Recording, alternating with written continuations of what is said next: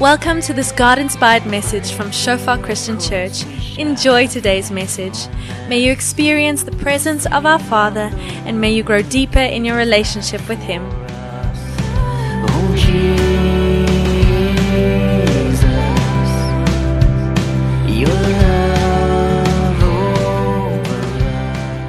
Welkom aan aan almal as jy is en jou eerste keer wat by ons is op Zoom wil ek vir jou sê welkom hierso by ons as jy dalk die video kyk of die recording luister.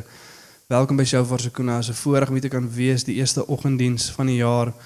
En ek wil vir jou vra as jy nuut is, as jy nou die recording luister of nou live op Zoom is of die video kyk, uh, wil jy nie net op Facebook dalk vir ons net 'n boodskap stuur of in die comment box van die Zoom chat is daar ook 'n nommer wat jy kan bel sodat ons net met jou kan connect, jou kan inskakel en uh ja, net kan kyk hoe ons jou kan bemoedig in hierdie tyd, hoe ons jou kan bystaan in hierdie tye wat deur ons gaan. Snaakse tyd, maar ons is daar vir mekaar om mekaar op te bou, maar voordat ek begin met hierdie preek, kom ek open net vir ons in gebed. Ja, Here, dankie dat ons voor U kan kom, Vader. Dankie dat ons self voor U kan kom neerlê, Here.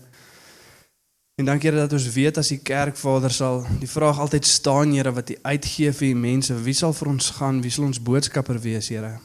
Vanoggend kom bid ek Here dat ons die vrymoedigheid sal hê as die kerk Here om te sê hier is ons Here, stuur ons. En dat ons nie net die gewilligheid sal hê Here, maar die gehoorsaamheid, Here. Nie net bereidwillig nie, maar gehoorsaam om uit te gaan om te doen wat U ons geroep het om te gaan doen, Here. Dankie dat ons dit in ons eie krag te doen. Dankie Heilige Gees dat U kom, Vader, ons kom vul en ons uitstuur in 'n gebroke wêreld en Here om te kom heel maak, Vader, in die een boodskap, die een naam wat kan red te gaan verkondig. Dankie Jesus vir U werk op die kruis dat ons hier kan wees vandag, ons hande kan oplig, die teenwoordigheid kan ervaar, Here. Because we had a faithful high priest, Jesus, wat ons hier weggemaak het. Ons kom sê vir dankie in Jesus naam. Amen. So ons preektitel vir vandag is wie sal vir ons gaan. Jy weet dit is weer eens vir my lekker om te weet dat daar so 'n Zoom crowd wat daar buite kyk, maar ek het ook die band wat hierso sit 'n live crowd. Dit is lekker om dit te weet, maar ons titel vir vandag wie sal vir ons gaan. Jy weet in hierdie stuk skrif is nie 'n stuk skrif waarna ons vandag gaan kyk nie, dis 'n stuk skrif wat ons sien in Jesaja 6, net soos wat Jesaja na die Here toe kom en hy sien hierdie beeld van die Here in sy tempel En ervaar ook in daai oomblik die verlossing van God.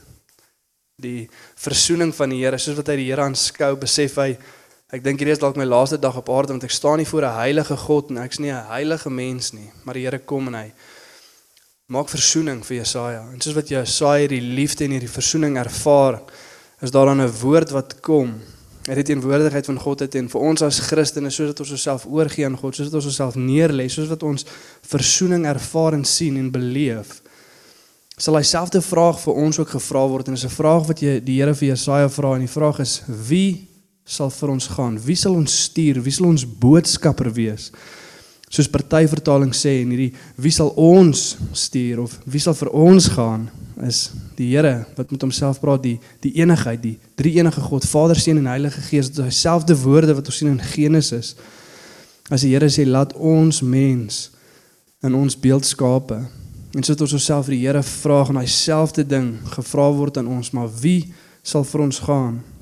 Weet in hierdie week soos wat ek sit met hierdie woord wat ek van die Here ontvang en ek dink aan die tye waar deur ons gaan en die vreemde goed wat in die wêreld gebeur die hopeloosheid die gebrokenheid die hartseer En ek dink so of wees Here, maar hoe kan ons u mense bemoedig, Vader? Hoe kan ons u mense bemoedig? Is hierdie 'n bemoedigende woord? En die Here sê vir my, ja, dit is. Want die Here lei ons om ons fokus te kom skuif van die probleme af, van die hartseer af. Ek sê nie ons moet net daarvan vergeet of nie maak of dit daar is nie, maar as Christene is ons geroep om koninkryk gefokus te wees. Wie die Here sê in Matteus 6 vers 33, maar soek eers die koninkryk van God en sy geregtigheid en hierdie goed sal by jou toegevoeg word. Jesus sê moenie fokus op hierdie goed nie. Deur ons gaan en ons wonder Here, maar wat gaan ons dra? Wat gaan ons eet? Waar gaan ons bly? En Here sê moenie fokus op daai goed nie, die ongelowige. Fokus op dit. Moet jy nie jou fokus soen toe skuif nie, maar fokus op die koninkryk van God en sy geregtigheid. Dink aan die doel en die missie waarmee ons uitgestuur het want dis in dit wat ons hoop kry, dis in dit wat ons vrede vind. Dis in dit wat ons betekenis gee aan hierdie tye wat deur ons gaan. Verstaan as mense wil ons nie deur sekere verdrukking en sekere jy weet beproewings gaan en dit het nie betekenis nie. As daar pyn is, moet daar betekenis wees aan die pyn. As daar beproewing is, moet daar betekenis wees. As daar verdrukking of vervolging is, wil ons hê dit moet iets beteken. En die Here sê as ons ons fokus skuif en ons het 'n koninkryksvisie en ons fokus op hom, sy geregtigheid, die doel waarmee ons uitgestuur is, dan gee ons betekenis in hierdie tye wat deur ons gaan. Net in die week kom Ham na ons toe. Ham was ook in die band. Hy sit hier so in die in die live crowd van vanoggend. En hy lees ons die storie van Josef. En soos wat hy deur die storie van Josef vertel, hy homself was Josef op 'n kol gewees. En soos wat hy homself daardeur praat en op die einde van ons 'n paar vrae vra, is een van die goed wat net vir my uitstaan en toevallig in die week net voor dit ek ook daaraan gedink. Jy weet ons baie keer aan Josef se storie dink of deur hierdie stuk lees en ons het baie min simpatie met Josef. Ons het baie min empatie, baie min meegevoel. Want ons weet wat die uitkoms gaan wees. Jy weet ons wil so half Josef sê ja, relax, dis nie so erg nie. Jy gaan nou nou nou oor Egipte reageer. So so wees dit vir ons rustig. Jy gaan in 'n goeie plek wees. Ons weet dat dit wat die Here deur jou doen, die rede vir die beproewings, die doel daarvan is sodat baie mense gered kan word en dan ons bietjie min meegevoel met Josef want ons verstaan die doel, maar in ons eie lewe is dit baie keer moeilik om die doel te sien van dit wat deur ons gaan. Ons verstaan baie keer nie hoekom ons deur hierdie beproewing gaan nie. Ons vra baie keer nie vir onsself daai vraag nie. Jy weet en soos wat ons ook laas jaar soos wat die inperking ingekom het vir die Here gevra het, Jesus, maar Here, as 'n kerk, wat is dit wat U ons wil kom leer? Hoe kan ons betekenis kry uit hierdie tye wat deur ons gaan? Wat is die doel? Is een van die goed wat ons duidelik gehoor het dat Here godsdiens terug wil bring na die huis toe. Dat families saam God sal aanbid. En hierdie jaar vra ek weer dieselfde vir die Here soos wat ek deur hierdie preek werk en ek sit daar in ons kantoor en ek kyk na so 'n bord waar ons gewoonlik die die nuwe lidmate of die mense wat nie in kerk ingekom het, jy weet, se nommers, hulle gee 'n connect kaartjie en ons volg hulle op en connect hulle met 'n selgroep. En maak seker dat ons doelbewus hierdie mense inskakel. Jy sien ek wonder, Jesus Here, hoe lank voordat daar weer 'n naam kom? Hoe lank voordat daar mense weer kom na ons toe en ek kon net voel hoe die Here sê, maar die doel was nooit vir mense om te kom nie, maar altyd vir ons om te gaan. En ek voel regtig dat in hierdie tyd is die Here besig om die kerk se fokus weer te skuif om missioneel te lewe, om uit te gaan om die boodskap van die evangelie te gaan verkondig. Jy weet in hierdie tyd van die jaar sien ons nogal baie mense inkom by kerk want party van die tradisionele Christene se nuwejaarsvoorneme is baie keer om bietjie meer kerk toe te gaan in die nuwe jaar. Dis ek in my geestelike lewe dink en ek wil dit bietjie meer volhoubaar maak. Ek wil bietjie meer lewe in my geestelikheid insit. Ek gaan bietjie meer kerk toe gaan en as dit jou nuwejaarsvoorneme is of as jy dink dat dit gaan lewe gee in jou geestelikheid, dan wil ek net vir jou sê dat 'n bietjie meer kerk toe kom is nie wat lewe gee nie aan ons geestelikheid nie, maar om onsself oor te gee aan Jesus. Die een wat ons kom roep en kom red het as ons self oorgee aan hom. Dan is dit waar lewe vandaan kom. Maar so toe dink ek, Jesus Here, maar hoe gaan hoe gaan dit gebeur? Mense kan fisies nie kerk toe kom nie. Jy weet ons lewe in 'n tyd waar selfs ons as gelowiges se verskoningspartyker is. Ek hou nie van Zoom nie. Dis letterlik dit wat ons baie keer sê ek hou nie van Zoom nie, so ek gaan nie ek gaan nie kom nie, ek gaan nie join nie, ek gaan nie connect nie, ek gaan nie myself indruk nie. Hoe moeilik dan nou nog meer vir die wêreld wat ons wil bereik? Hoe gaan ons nooit in hierdie tyd en die Here het net vir my gesê, maar dit was nooit vir hom om te kom nie, maar altyd vir ons om te gaan. En soos wat ons fokus op jy weet hierdie idee dat die Here ons as kerk weer uitlei om missioneel te wees om uit te kyk na die wêreld om ons toe. Kom ons lees 'n stuk in Handelinge 4 van vers 1 tot 31 is nog 'n lang stuk storie so sit lekker terug relax soos wat ek ons wat deel is. Maar kom ons kyk wat ons kan leer uit hoe die vroeë kerk toegepas het wat Jesus kom sê en gedoen het. Jy weet handelinge is basically dit wat Jesus kom sê in aksie. Dis hoe die rolprent sou lyk. As dit uitgespeel was as ons as 'n kerk toepas wat Jesus vir ons kom leer het. En die storie tel op in Handelinge 4 dis net nadat ehm um, Petrus en Johannes na die tempel toe gaan het om te gaan bid, hulle het 'n man genees. Die man het opgestaan, klop mense het na hulle toe gekom en hulle die evangelie aan hulle begin preek en dis waar ons die storie optel hier in Handelinge 4. En sê die volgende: Petrus en Johannes was nog besig om met die mense te praat toe die priesters en bevelvoerders van die tempelwag en die sadduseërs op Petrus hulle afstorm. Die priesters en die ander was onthuts omdat die apostels die mense geleer het en verkondig het dat die opstanding uit die dood deur Jesus se opstanding 'n werklikheid geword het. Hulle het Petrus en Johannes weggevang, 'n eh, gevangene geneem en hulle het omdat dit al laat was in die tronk gesit. Toe dit die volgende môre is, toe het baie van die mense wat hulle prediking gehoor het, het tot het tog tot geloof gekom. En die getal gelowiges het aangegroei tot omtrent 5000. Die engel sê dat jy weet daar's tot 5000 mans tot bekering gekom, dis sonder die vrouens en die kinders. Daai dag baie mense kom tot bekering. Dan lees ons aan en sê die volgende môre het die raadslede, die familiehoofde en die skrifgeleerdes in Jerusalem vergader.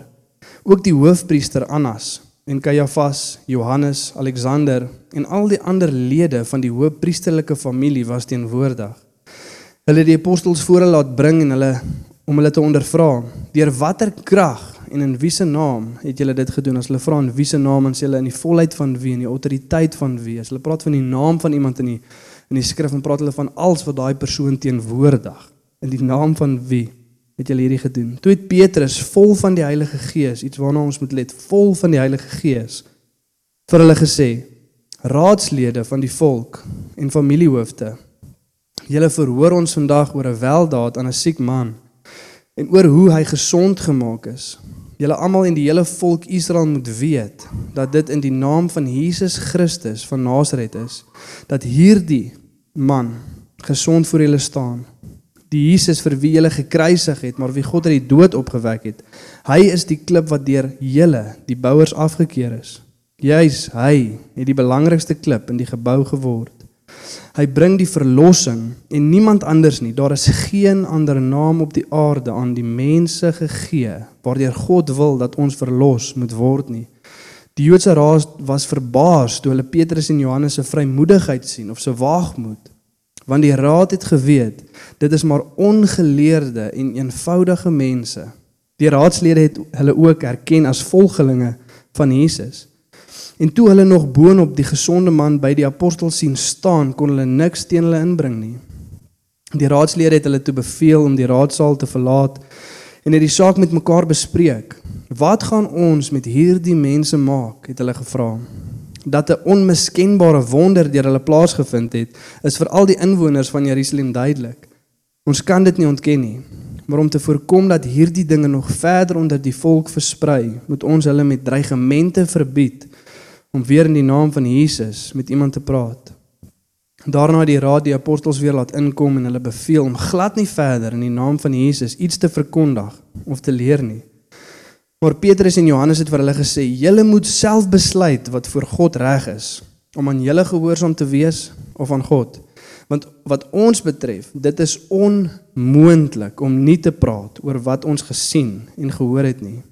Nadat die raad die apostels daarby nog ernstig gedreig het, het hulle hulle losgelaat. Hulle het dit gedoen omdat hulle geen rede kon vind om hulle te straf nie en vanweë die houding van die volk, want al die mense het God geprys oor wat daar gebeur het. Die man wat deur hierdie wonder gesond geword het, was immers al oor die 40.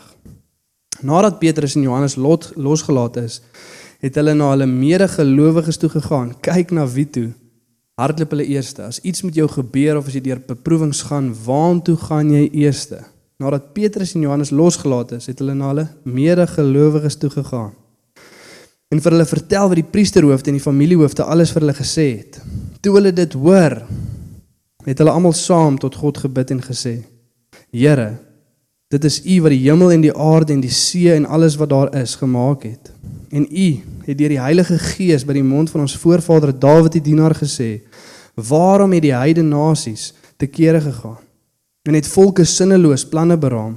Die koning van die aarde het in opstand gekom en die heersers het saamgespan teen die Here en teen sy gesalfde."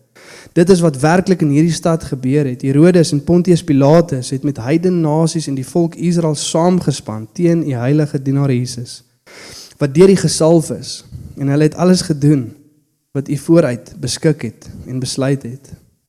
En nou Here, kyk hoe dreig hulle ons. Gee dat die dienaars met volle vrymoedigheid u woord sal verkondig. Laat u hand genesing bring en laat daar tekens en wonders plaasvind deur die naam van die heilige dienaar Jesus. Nadat hulle gebid het, het die plek waar hulle bymekaar was geskit. Hulle is almal met die Heilige Gees vervul en het met vrymoedigheid die woord van God verkondig nog 'n groot stuk skrif maar kom ons kyk wat ons daaruit kan lees. Die eerste ding wat ek vir ons wil sê vandag is soos wat ons deur Handelinge lees, is ons baie keer bietjie gekonfronteer met die aksie en die geloof van die apostels in daardie tyd. Jy weet hoofstuk na hoofstuk sien ons al hierdie gebeurtenisse, goeders afspeel en hoe hierdie wonders verrig word en hoe duisende na Jesus gelei toe word. En dan dink ons Here, maar is ons regtig geroep vir dit? Jy weet is ons ook geroep om wonderwerke te verrig of was dit net daai sekere mense in die vroeë kerk? Was dit net die apostels gewees? Of die dade wat hulle doen en eerstens wil ek net vir ons sê, partykeer lees ons deur Handelinge en ons dink jy weet, eers, dit was die eerste jaar van Christendom. Woelige jaar voor met klomp goeder wat gebeur het, maar hierdie gebeurtenisse speel oor 'n kwessie van tussen 30 tot 40 jaar af. Dis nie net ewe skielik nie. Klomp goed wat gebeur en die skrywer fokus op hierdie hoogtepunt en hierdie goeder wat gebeur en veral sy doel waarmee hy skryf is om vir ons te wys hoe die evangelie versprei van Jerusalem na Judea na Samaria na die uithoeke van die wêreld toe. Dan gebruik hy hierdie dele van skrif wat uitgestaan het in die geskiedenis van die kerk om vir ons te wys hoe dit gelyk daai tyd. En ook om net te sê daar's unieke gebeurtenisse. Baie keer as ons deur verhale van skrif lees, veral historiese verhale wat net besig is om 'n storie te vertel, jy weet die die hoofsaaklike doel van dit is nie om vir ons opdragte te gee of vir ons te wys hoe ons moet lewe net vertel net 'n eenvoudige storie. Interpreteer ons baie keer mis. En ons dink alles moet gebeur of ons moet presies lyk like soos wat hulle gelyk het en dit is nie die waarheid nie. Met baie keer is daai unieke gebeurtenisse wat gebeur. Een voorbeeld byvoorbeeld Pinkster, toe die Heilige Gees vir die eerste keer op die kerk uitgegiet word. Dit daar kan net een keer wees wat die Heilige Gees vir die eerste keer op die kerk uitgestort was. Dit kan nie weer gebeur nie. Dis 'n unieke uh, um, gebeurtenis wat gebeur het en ons kan nie verwag dat presies dieselfde met ons moet gebeur nie. Maar wat ek nie sê nie, is dat ons daai wonders van geloof en daai aksie wat deur geloof gedryf word, moet los en beperk tot die verlede want daai mense was apostels genoem en nie dieselfde verwag dat God dit deur ons ook kan doen nie. Mag ons die eerstes wees wat sê Here, werk ook deur ons. Mag ons die eerstes wees wat ons hand opsteek en sê Here, gee vir ons die vrymoedigheid om uit te gaan. En strek jy hand uit om te genees. Here, laat wonders plaasvind, maar ons wil uitgaan en die koninkryk gaan bou. Maar soos wat ons hierdie sien, dan is ons bietjie gekonfronteer. Ons is gekonfronteer met wat gebeur en hoe dit lyk en baie keer is ons so gekonfronteer met hoe eg hulle geloof is in die middel van alles wat hulle jy weet om hulle gebeur die verdrukking en die vervolging wat hulle ervaar en ons dink jy's maar het ons daai egtheid van geloof en ons is baie keer so gefokus op die uitdaging daarvan dat ons baie keer miskyk maar wat het hulle jy weet ge-enable om so te kan lewe Wat was dit wat hulle toegelaat het om so te kan lewe? Wat is die sleutels daarvan? En soos wat ons hierdie half uitdaging sien, Here, mag ons daai selfe geloof hê. Wil ons ook die vraag vra, Here, maar wat is dit wat hulle toelaat om te lewe soos wat hulle lewe? Hoe kan ons ook so lewe? So kom ons begin daar by die begin en soos wat ek gesê het, die storie is net nadat hulle die man genees het in die tempel ingestap het en in die pilaarsgang van Salomo gestaan het en die mense het na hulle toe gekom en hulle die evangelie verkondig en toe tel ons die storie op in Handelinge 4 vers 1. En dit lees die volgende: Petrus en Johannes was nog besig om met die mense te praat toe die priesters, die bevelvoerders van die tempelwag en die saduseërs op Petrus hulle afgestorm. Jy weet baie keer dan dan tel ons half die storie so op en ons dink hierdie mense was konstant net besig om die evangelie te verkondig. Dis al wat hulle gedoen het. Hulle was net besig om te gaan van dorp na dorp, plek tot plek en besig om die evangelie te verkondig. Jy weet is asof hulle hierdie oomblikke van wonderwerke beplan het. Jy weet vandag is donderdag, dis wonderwerkdag. Kom Petrus, kom Johannes, ons gaan uitgaan. Weet hulle dink hierdie is die dag wat hierdie goeders gaan gebeur. En ons sien dat hulle het met die mense gepraat en hier kom hierdie mense en ons sien dat jy weet toe hulle gepraat het het die gelowiges aangegroei tot omtrent 5000 5000 mense kom tot bekering en ons dink jy's like. Kyk waarmee was hierdie ouens besig? As ons maar net die tyd gehad het. Weet maar ons is besig met ander goed. Jy weet die Here het hulle geroep vir wonderwerke maar ons vir die malligheid van hierdie wêreld. Sodat ons werk toe gaan en huis toe kom en kinders grootmaak en al daai goeders, maar hulle het die tyd gehad. Hulle het hierdie goeders half uiteengesit. Dit ons kry baie keer die gevoel dat Johannes en Petrus het bymekaar gekom daai oggend. Lekker saam gebid en gedink, "Wat is die plan vir die dag?" Petrus en Johannes gesê, "Wel, dis wonderwerk dag, so ons moet seker uitgaan." Verstaan? En hulle het lekker gebid die oggend en tyd in die skrif gespandeer en Petrus het gesê, "Oké, okay, 3 uur." By die tyd van gebed, dan gaan ons daai lam ou by die tempel gaan genees en 'n halfuur dan lei ons 5000 na Christus toe. Klink dit vir jou? En Johannes sê nee, klink vir my na 'n plan en en daar gaan hulle. Weet ons dink baie keer dat dis hoe dit was of dis hoe hulle dit geleef het of die Heilige Gees het net altyd vir hulle kom sê, "Hey, môre gaan julle ouens genees, môre gaan 5000 na Jesus gelei te word." En ons soek baie keer hierdie spesifieke oomblikke. In plaas om net geheel gefokus te wees op wat God besig is om te doen. Maar die storie begin hier nie, die storie begin wat ek gesê het in hoofstuk 3. En dit sê die volgende in hoofstuk 3 vers 1. Een middag om 3 uur, die tyd van die gebed, was Petrus en Johannes op pad tempel toe. Een middag en as as ons dit moet vertaal in ons taal of probeer oordra wat die skrywer probeer oordra, sê hy soos enige ander normale dag terwyl hulle besig was met wat hulle elke dag besig was. Jy weet Israel was 'n theistic nation wat dit beteken is hulle het God as koning gehad. Hulle het verstaan dat daar seker goed belangrik was en so gebed was een van die goeters wat 'n tyd uitgesit was in die dag. 3 uur die dag het hulle gaan bid. Dit was die biduur van die nasie gewees vir elkeen wat daar lewe. Ons ons ons ken dit nie, dit werk nie so by ons nie. Maar wat die skrywer besig is om te verduidelik as ons dit moet vertaal in ons konteks, soos wat Johannes en Petrus van die werk afgery het op pad Spar toe. Soos wat Petrus en Johannes op pad werk toe was. Soos wat hulle gaan gym het, soos wat hulle gaan groceries koop het, soos wat hulle hulle hond gevat het om te gaan stap, soos wat hulle besig was met enige ander dag, een middag om 3 uur. Soos enige normale dag het hulle gestap. Ons lees dieselfde van Stefanus in Handelinge 6 en dink ons Jesus, dit sê en Stefanus het wonderwerke en tekens gedoen met die krag en die gees van God. En ons dink Jesus, hierdie ou het ook seker opgestaan en gedink is dis wonderwerk donderdag. Hier gaan groot goed gebeur vandag. En sy hele plan vir die dag is om te gaan wonderwerke doen. Maar as ons in die begin van die hoofstuk lees, dan sê dit daarso was weduwees wat gesê het, ons kry nie kos as die kos uitgedeel was nie. Die apostels het gesê, "Oké, kies vir julleself leiers." Soos wat hulle besig is met hulle daaglikse werk, soos wat ons almal 'n daaglikse werk het, dan moet hierdie leiers ook net hierdie kospakkies vir die armes gaan uitdeel.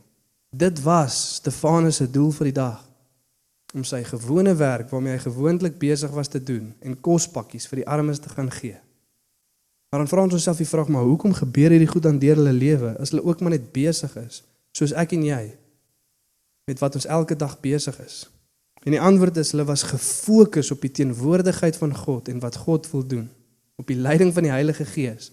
Hulle het nie net gesit in sekere tye van die week of dag nie, maar hulle was konstant gefokus op dit wat God wil kom doen. Dit sê in vers 4 die volgende: Petrus en Johannes kyk hom toe stip aan En Petrus sê kyk na ons. Die engel sê they directed their gaze at him. Hulle het hulle fokus. Dit waarna hulle gekyk het, daar waar hulle opgelet het, geskuif. En hulle het agtergekom maar hier wil God iets kom doen. Hier wil God kom werk, bewus van die teenwoordigheid van God en die geleenthede wat hy vir ons gee om te doen wat hy ons geroep het om te doen. En Petrus en Johannes kyk toe vir hom en sê dit wat ons het. Ons het nie silwer of goud nie, maar dit wat ons het, gee ons vir jou. In die naam van Jesus staan op en loop en soos wat hy opstaan, volg hulle. En dan gaan die storie aan nadat hulle hom genees het, let ook, hulle is besig om net aan te gaan waarmee hulle besig was. Hulle is nog steeds op pad om te gaan bid, jy weet. Hierso staan op lekker genesing en hulle gaan maar net aan met dit waarmee hulle besig was.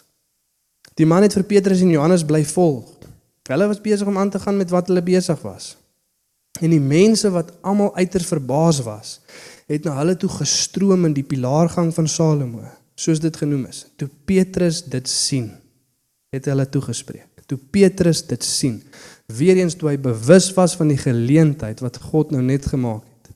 Toe hy bewus was van die werke van God. Hier's 'n geleentheid. Hier wil God werk. Ek is gefokus op wat God wil kom doen. Ek lewe missioneel. Toe besef hy, hier moet ek hierdie mense aan ehm um, toespreek.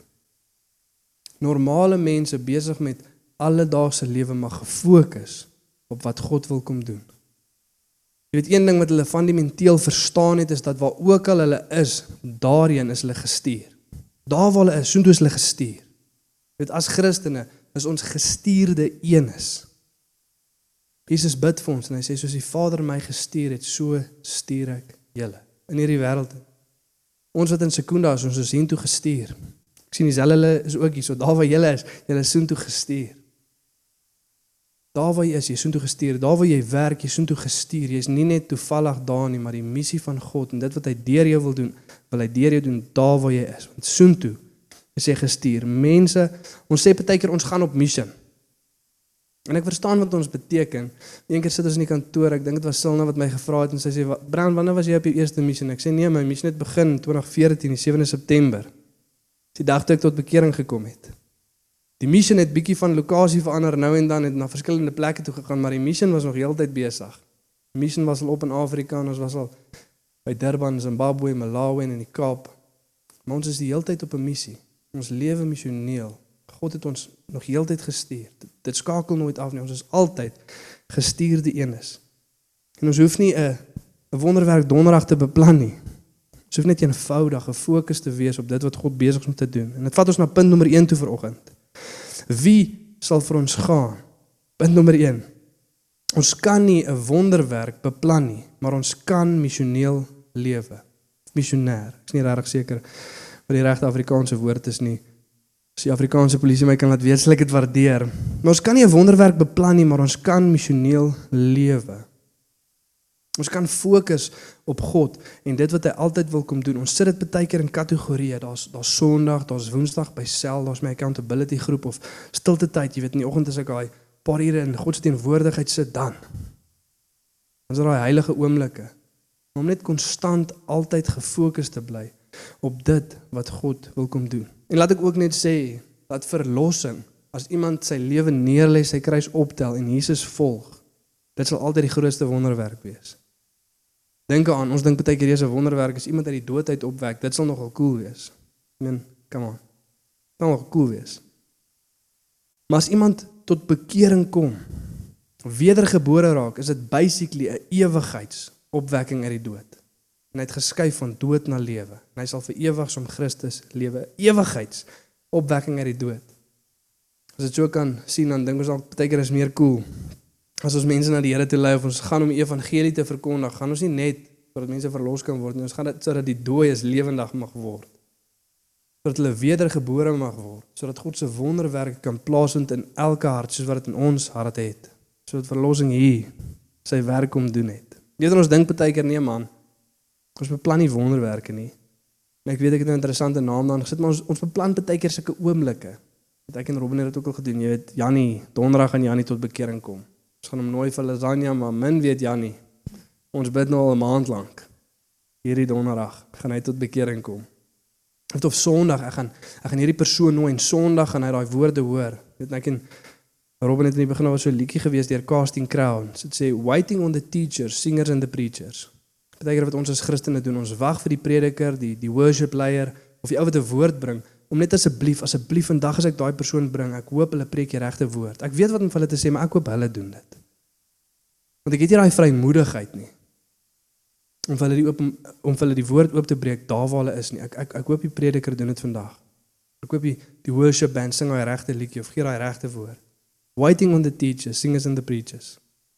Maar ons is geroep om te gaan en die woord hulle oop te breek. En moenie hoor wat ek nie sê nie. Ek ek sê nie moenie nooi nie. Asseblief nooi almal. Maar as hulle nie kom nie, breek die woord van God oop daar waar hulle is. Soos ek gesê het, dit is klaar moeilik vir ons as mense om net te connect. Die Wi-Fi signal sny uit, mense raak gefrustreerd. Maar vir die wêreld daar buite nog moeiliker. Ons moet gaan na daar waar hulle is. Nooi. Beplan daai donderdag. Bid en hê daai verwagting dat God gaan kom werk, maar hê dit altyd. Nie net sekere tye nie het dit altyd. Van ding daaraan, soos wat die moderne kerk gekom het tot waar ons nou is van daai van dit wat ons sien in Handelinge af, het ons van die wêreld begin verwag om die sendelinge te wees. So het God gesê, hulle was nooit veronderstel om te kom nie, ons was altyd veronderstel om te gaan. Ons verwag hulle moet uit hulle kultuur, uit hulle taal na ons toe kom. Ander kultuur, ander uh, taal wat nie vir hulle normaal is nie ons wil hulle met heen toe kom. Maar soos ek weer sê, moenie hoor wat ek nie sê nie, nooi. Nooi almal, maar gaan, gaan daar waar hulle is en breek die woord van God oop, daar waar hulle is. En ek verstaan, ek verstaan ons voel baie keer dat ons is nie opgewasse vir die taak nie. Ons voel we, we don't have the training, jy weet daai tipe mentaliteit. Ons is nie getrein vir hierdie nie. Ons is nie gegeer vir dit nie. Ons het nie die onderrig nie. En ek verstaan ook dat daar's verdrukking, daar's vervolging en soos ons nou net gebid het voor die diens, hier in Suid-Afrika het ons nie baie verdrukking of vervolging nie. Weet jy baie keer sê ons is maar die company policy sê ons Ons kan nie oor die naam van Jesus praat hierson nie. Ons praat nie geloof hierson nie, 'n steenkamp in die policy. Daar's daar's 'n sekere mate van vervolging en ek voel nie lekker opgewasse nie. Ek voel nie of ek geleer is om hierdie te doen nie. Kom ons los dit vir die professionele mense. Mense met hulle grade in teologie of wat jy weet sendelinge is. Kom ons los dit vir daai mense. Maar ek wil vir jou sê daai verskonings en dis ongelukkig wat dit is. Daai verskonings was nooit meer teenwoordig as by die vroeë kerk nie. Niemand het dit beter verstaan as hulle nie. Dat ons voel nie lekker opgewasse vir die taak nie. Ons voel nie ons het die regte onderrig nie. Die mense wat hulle hierso aanspreek, is hulle lewenslank deur die skrif gevat, nie weer van God nie, die wette van die Ou Testament. Mense wat geonderrig was, nie die mense voel jy's ek ek dink nie ons is lekker opgewasse vir die taak nie. As dit kom by vervolging, was daar nie 'n kamp in die polisie nie. Maar daar was mense wat uitgegaan het om hierdie mense te vernietig. Kom ons kyk net klein bietjie na van die vervolging wat hierdie mense geervaar het. Handelinge 4 tot vers 8 en hierdie gaan aan en aan na elke hoofstuk van Handelinge. Daar's hier en daar 'n uitsondering. Maar daar 'n stuk skrif is wat fokus op iets soos Kornelius wat tot bekering kom, die evangelie wat na die na die heidene nasies toe gaan en in daai stuk skrif is daar nie genoem van hierdie verdrukking of vervolging nie. Dit is nog steeds besig. Die fokus skuif net bietjie na hierdie stuk prentjie toe, maar vervolging was daar baie. Dit sê in vers 3 van hoofstuk 4. Hulle het Petrus en Johannes gevange geneem, soos nou net gelees het. Hoofstuk 5 vers 18. Hulle het die apostels in die tronk gestop. Hoofstuk 5 vers 40. Hulle het die apostels laat slaan en hulle belet om weer in die naam van Jesus te praat. Hoofstuk 6 vers 12. Die het op hom afgestorm en hom gegryp. Praat van Stefanus. Handelinge 7:59 Terwyl hulle vir Stefanus stenig, het hy geroep: "Here Jesus, ontvang my gees." En hy sak op sy knie af en hy roep met 'n harde stem en hy sê: "Here, moet hierdie sonde nie teen hulle hou nie." Die uitdaging wat ons sien, soos die geloof van hierdie mense in Handelinge is nogal challenging. Hoofstuk 8 vers 3. Saulus het die kerk probeer uitroei. Nie probeer stil maak nie, probeer uitroei. Hy het van huis tot huis gegaan, mans en vrouens laat uitsleep en hulle in die tronk laat sit. Hoofstuk na hoofstuk en maak nie saak hoe hard hulle probeer om die kerk te vervolg of stil te maak nie. Die kerk se houding is ons sal eenvoudig nie stil bly nie. Ons sal aanhou om te preek en te verkondig dat Jesus die Christus is, die hoop van die evangelie, die evangelie van vrede. Jy weet dit sê dan hoofstuk 5 vers 41 is nie op die slides nie, maar jy kan self daarna gaan lees nadat die apostels geslaan was en belet was om in die naam van Jesus te preek, het hulle uitgeloop en hulle het hulle self verbly daarin dat hulle waardig was om te ly vir die naam van Jesus. Hulle het hulle self verbly in vervolging omdat hulle waardig was om te ly vir die naam van Jesus. In Handelinge 8 net nadat Saulus gaan probeer om die kerk uit te roei, dan sê dit en soos die wat gevlug het gegaan het, het hulle die woord van God verkondig. Jy weet dit ek lag lekker as ek daai stuk lees en ek sien net al vir die prentjie van mense wat hulle half spot. Jy weet soos wat hulle van hulle weghardloop skree hulle self Jesus is koning om hulle uit te tart, maar hulle kon hierdie mense eenvoudig nie stil maak nie. En hulle het net vir die mense gesê, "Hy luister, okay, ek hoor ons sal nou opbou en dan agteraf weer aangegaan." En nee, kyk in die gesig van die wat hulle onderdruk. Handelinge 4 vers 18, stuk wat ons nou net gelees het. Daarna het die raad die apostels weer laat inkom en hulle beveel om glad nie verder in die naam van Jesus iets te verkondig of te leer nie. Selfs dit gebeur in hoofstuk 5. En wat antwoord hulle? Toe antwoord Petrus en Johannes en sê vir hulle: "Of dit reg is voor God om julle meer gehoorsaam te wees as God, moet julle self beslis." Want vir ons is dit onmoontlik om nie te spreek oor wat ons gesien en gehoor het nie. In Handelinge 5 Petrus sê ons moet aan God meer gehoorsaam wees as aan die mens. Ons moet aan God meer gehoorsaam wees as aan die mens. Ons kan nie dit binnehou nie. Ons verstaan die waarde van die boodskap wat ons dra in die midde van 'n gebroke wêreld wat hoop nie ken nie en geen vrede het nie dra ons die evangelie van hoop, die evangelie van vrede om dit te gaan verkondig in 'n wêreld en in dit gee ons betekenis vir die tye waarin ons lewe. Soos wat ons uitgaan, jy weet, Paulus skryf vir die Tessalonisense, hy sê wat wie gaan sy kroon wees as Jesus terugkom? Die mense wat hy na Jesus toe gelei het. Dit is sy beloning. Dit is wat vir hom, jy weet, skatte in die hemel bymekaar maak om betekenis te gee vir die tye waarin ons lewe. Jy weet dan ook die apostels het nie hierso gesê okay ouens kom kom ons sien nou hierso kom ons kom ons ding bietjie met wysheid. Wil hierdie taak doen maar ons wil wys wees. Hulle vang ons altyd in die tempel. Hulle vang ons altyd daar by die markte. Kom ons kom ons doen dit nie meer daar nie. Kom ons nooi hierdie mense na ons huise toe. Dan sê ons daar vir hulle die woord van die evangelie. Hulle besef die mense gaan nie so toe kom nie. Almal wat by jou werk, gaan jy nie kan nooi om by jou te kom eet of om kerk toe te kom of 'n Zoom link te kyk nie. Jy gaan daar waar jy is vir daai mense die evangelie moet verkondig en die woord van God in oop oopbreek. Party mense 'n bietjie meer teen dit as ander. maar nietemin daar waar ons is is ons geroep om hierdie oop te breek. Of die company policy so sê of nie. En ek weet julle dink nou seker is maklik vir jou om te sê Brown, jou company policy is preek die gospel. En ek werk vir die kerk. Maar ek het nie altyd nie. En daar waar ek was, het die evangelie oopgebreek aan die mense. Ek nou terwyl ek sales gedoen het, dalk hierdie kontrak gaan verloor, hierdie ou gaan irriteer en dit. Sorry Martin, hy's my baas gewees. Jy weet dalk ook met baie mense hulle kontrakte gekanselleer. Maar daar waar ek is, daar gaan ek evangelie verkondig. Daar gaan ek die woord van God vir die mense gee want daar's hoop en daar's vrede in Christus. Die enigste een wat kan red. En jy weet wat het hierdie vroeë kerk verstaan? Die die verskil tussen bereidwilligheid en gehoorsaamheid. Robin kom sê vir my vroeër in die jaar ons as kerk en as Christene 'n les om vir ons die verskil tussen bereidwilligheid en gehoorsaamheid te verduidelik want ons dink baie keer ons is dit wat ons wil doen. Jy weet ons dink ook informasie is transformasie. Soos wat ons die woorde hoor, soos wat ons dink eers ons met die armes gaan help. Ja, ek wil graag en dan dink ons ons doen dit op 'n manier. Ek weet nie regtig hoe hoe nie. Ons dink dit ek wil graag die evangelie van gaan verkondig. Maar Jakobus sê geloof sonder dade, sonder werke is dood. Daai geloof kan jou nie red nie. Bereidwilligheid sonder gehoorsaamheid. Ons iets wat kort kom daar. Ons iets wat kort kom daar en hoe ons skuif van bereidwilligheid na gehoorsaamheid is ja letterlik een stap sodat ons daai gehoorsaamheid begin uitleef en skuif van bereidwilligheid na gehoorsaamheid toe. Daar is 'n storie in Matteus 20 waar die vader na twee seuns toe kom en hy sê vir een hoor jy gaan werk in die tuin en hy sê nee hy gaan nie en hy gaan doen toe later. En die ander een sê ja hy gaan maar hy doen toe nie. My vra watser een van hierdie die wil van die vader uitgeleef? Die een wat gaan doen het.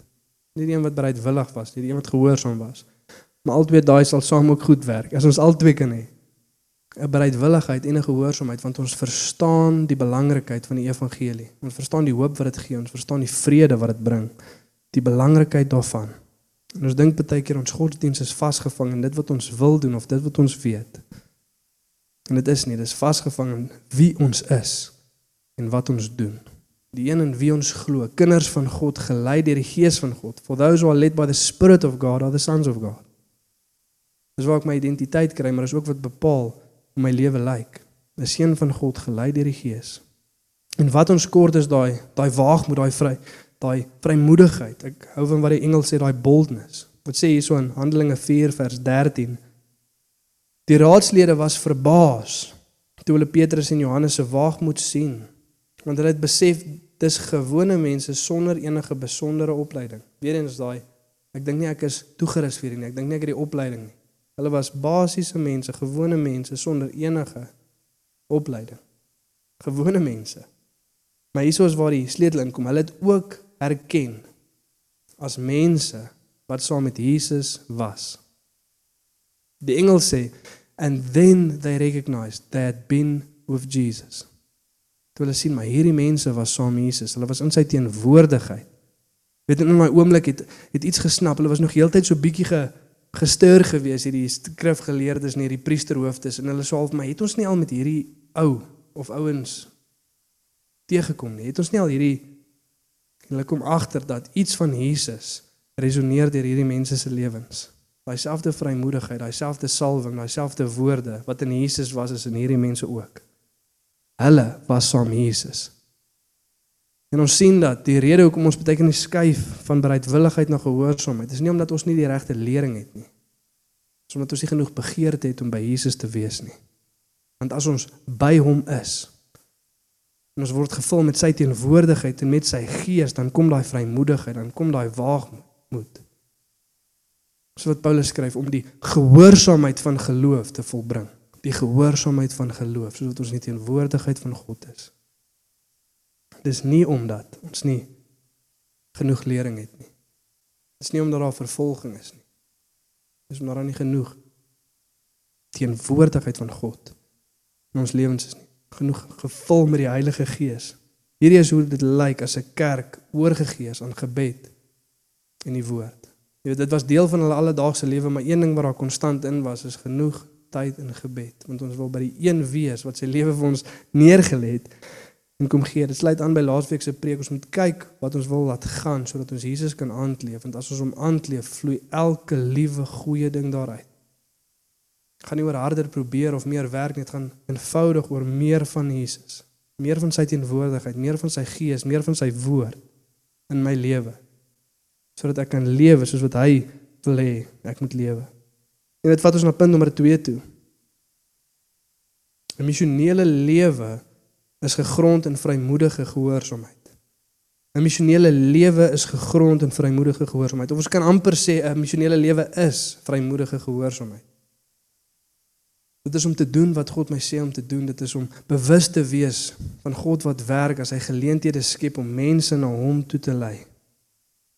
Jy weet intoe hierdie apostels gekonfronteer was, in die vroeë kerk gekonfronteer was met hierdie verdrukking wat kom en hierdie vervolging wat kom van die mense af. Die eerste ding wat hulle doen is hulle hardloop na Jesus toe. Kom saam bymekaar en bid saam. Sien julle hoe speel daai idee van Hebreërs 10 van vers 22 tot 25 hier uit. Wat ons bietjie laas daarna gekyk het, die drie goed wat God ons vra om te doen.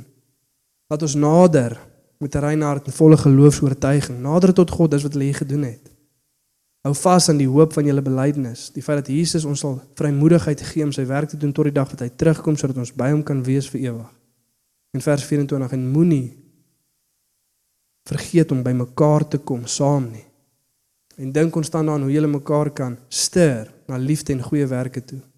Hoe kan ons dit doen? Deur saam te bid en ons stemme op te lig na die Here toe om ons die vrymoedigheid te gee om sy werk te doen soos wat hy sy hand uitsteek en sy werk doen. En ek wil vir ons vra môre sodat ons intersessie net ons sal weer die links uitstuur op canteens, sal dit op Facebook stuur, ons sal dit op ons selgroepe uitstuur. Kom saam met ons in gebed sodat ons ons stem na die Here toe kan oplig. En sê Here, ons wil die vrymoedigheid hê om u werk te gaan doen en ons wil vir u vra Here om saam met ons te wees en u werk te doen soos wat u u hand uitsteek om te genees en wonders en tekens deur ons doen. In die naam van die heilige dienaar Jesus.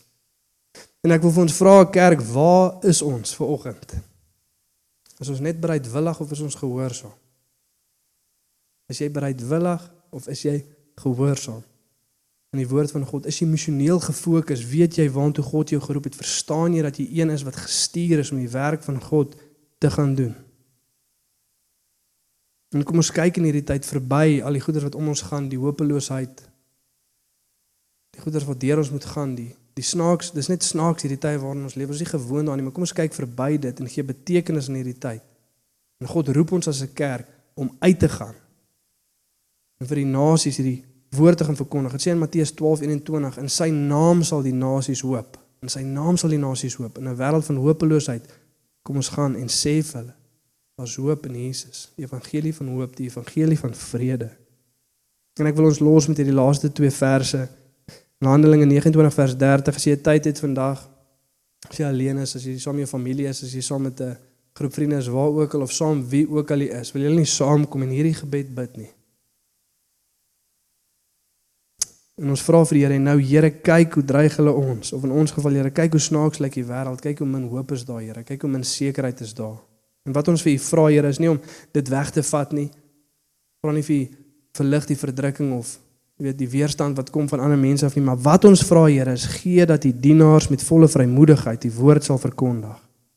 Laat die hand genesing bring en laat daar tekens en wonders plaasvind in die naam van die heilige dienaar Jesus. Dis wat ons vra Here. Soos wat U ons roep om meer missioneel te wees, soos dat ons hierdie stem hoor Here wat uitkom wat vra wie sal vir ons gaan? Wil ons nie sê ons wil nie, ons wil sê ons is hier Here, stuur ons. Nee ek wil nie, ek gaan. Here I am, send me. Hier is ek, Here, stuur my. Stuur my. Ons dit kan doen as kerk vandag. Ek gaan nou vir ons afsluit in gebed en dan gaan ons in ons breakout rooms indeel. En een ding wat ek ons wil vra, soos wat jy in jou breakout room is om net eenvoudig een ding te bespreek. Wat het vir jou uitgestaan deur hierdie diens vanoggend? Kom ek sluit ons af en dan geniet ons die breakout rooms. Ja Here, dankie dat ons net voor U kan kom, Vader. U kom dankie sê, Here. Dankie Here dat ek kom bid ook net Here dat hierdie nie 'n ja, sal sal voel vir werk soos ons, Here. U u roep ons nie nou om nog werk te kom doen, Here. U u roep ons Vader om vrede, vreugde en betekenis te kom gee in hierdie tye waarin ons lewe, Vader, sodat u ons vul met u gees om u werk te gaan doen. Ons hoef nie harder te probeer nie, Here. Ons moet meer vashou aan u. En soos wat ons uitgaan, Here, mag mense erken jy's maar die mense was by Jesus. En ja, ons verstaan Here, hulle was fisies saam met u Vader, maar dit sê daar die vrymoedigheid wat gekom het was deur die Gees gegee was. Julle sal krag ontvang as die Heilige Gees op julle kom en julle sal my getuies wees. Selfs vir ons, Here. Toe daai krag kom, Vader, toe was jy nie meer fisies by hulle nie. Maar die Heilige Gees se teenwoordigheid was met hulle en u teenwoordigheid is by ons. Heilige Gees is by ons. En ons kom vra Here, gee ons die vrymoedigheid, Here. Om die evangelie oop te gaan breek in die nasies, Here. Ons steek uit u hand, Here. Ons vertrou u om te werk soos net u kan werk, Here. Om genesing te bring, om wonderwerke te verrig, Vader. Maar ons gaan nie terughou nie, Here. Ons gaan gaan want u het ons geroep om te gaan. Hier is ons. Stuur ons in Jesus naam. Amen.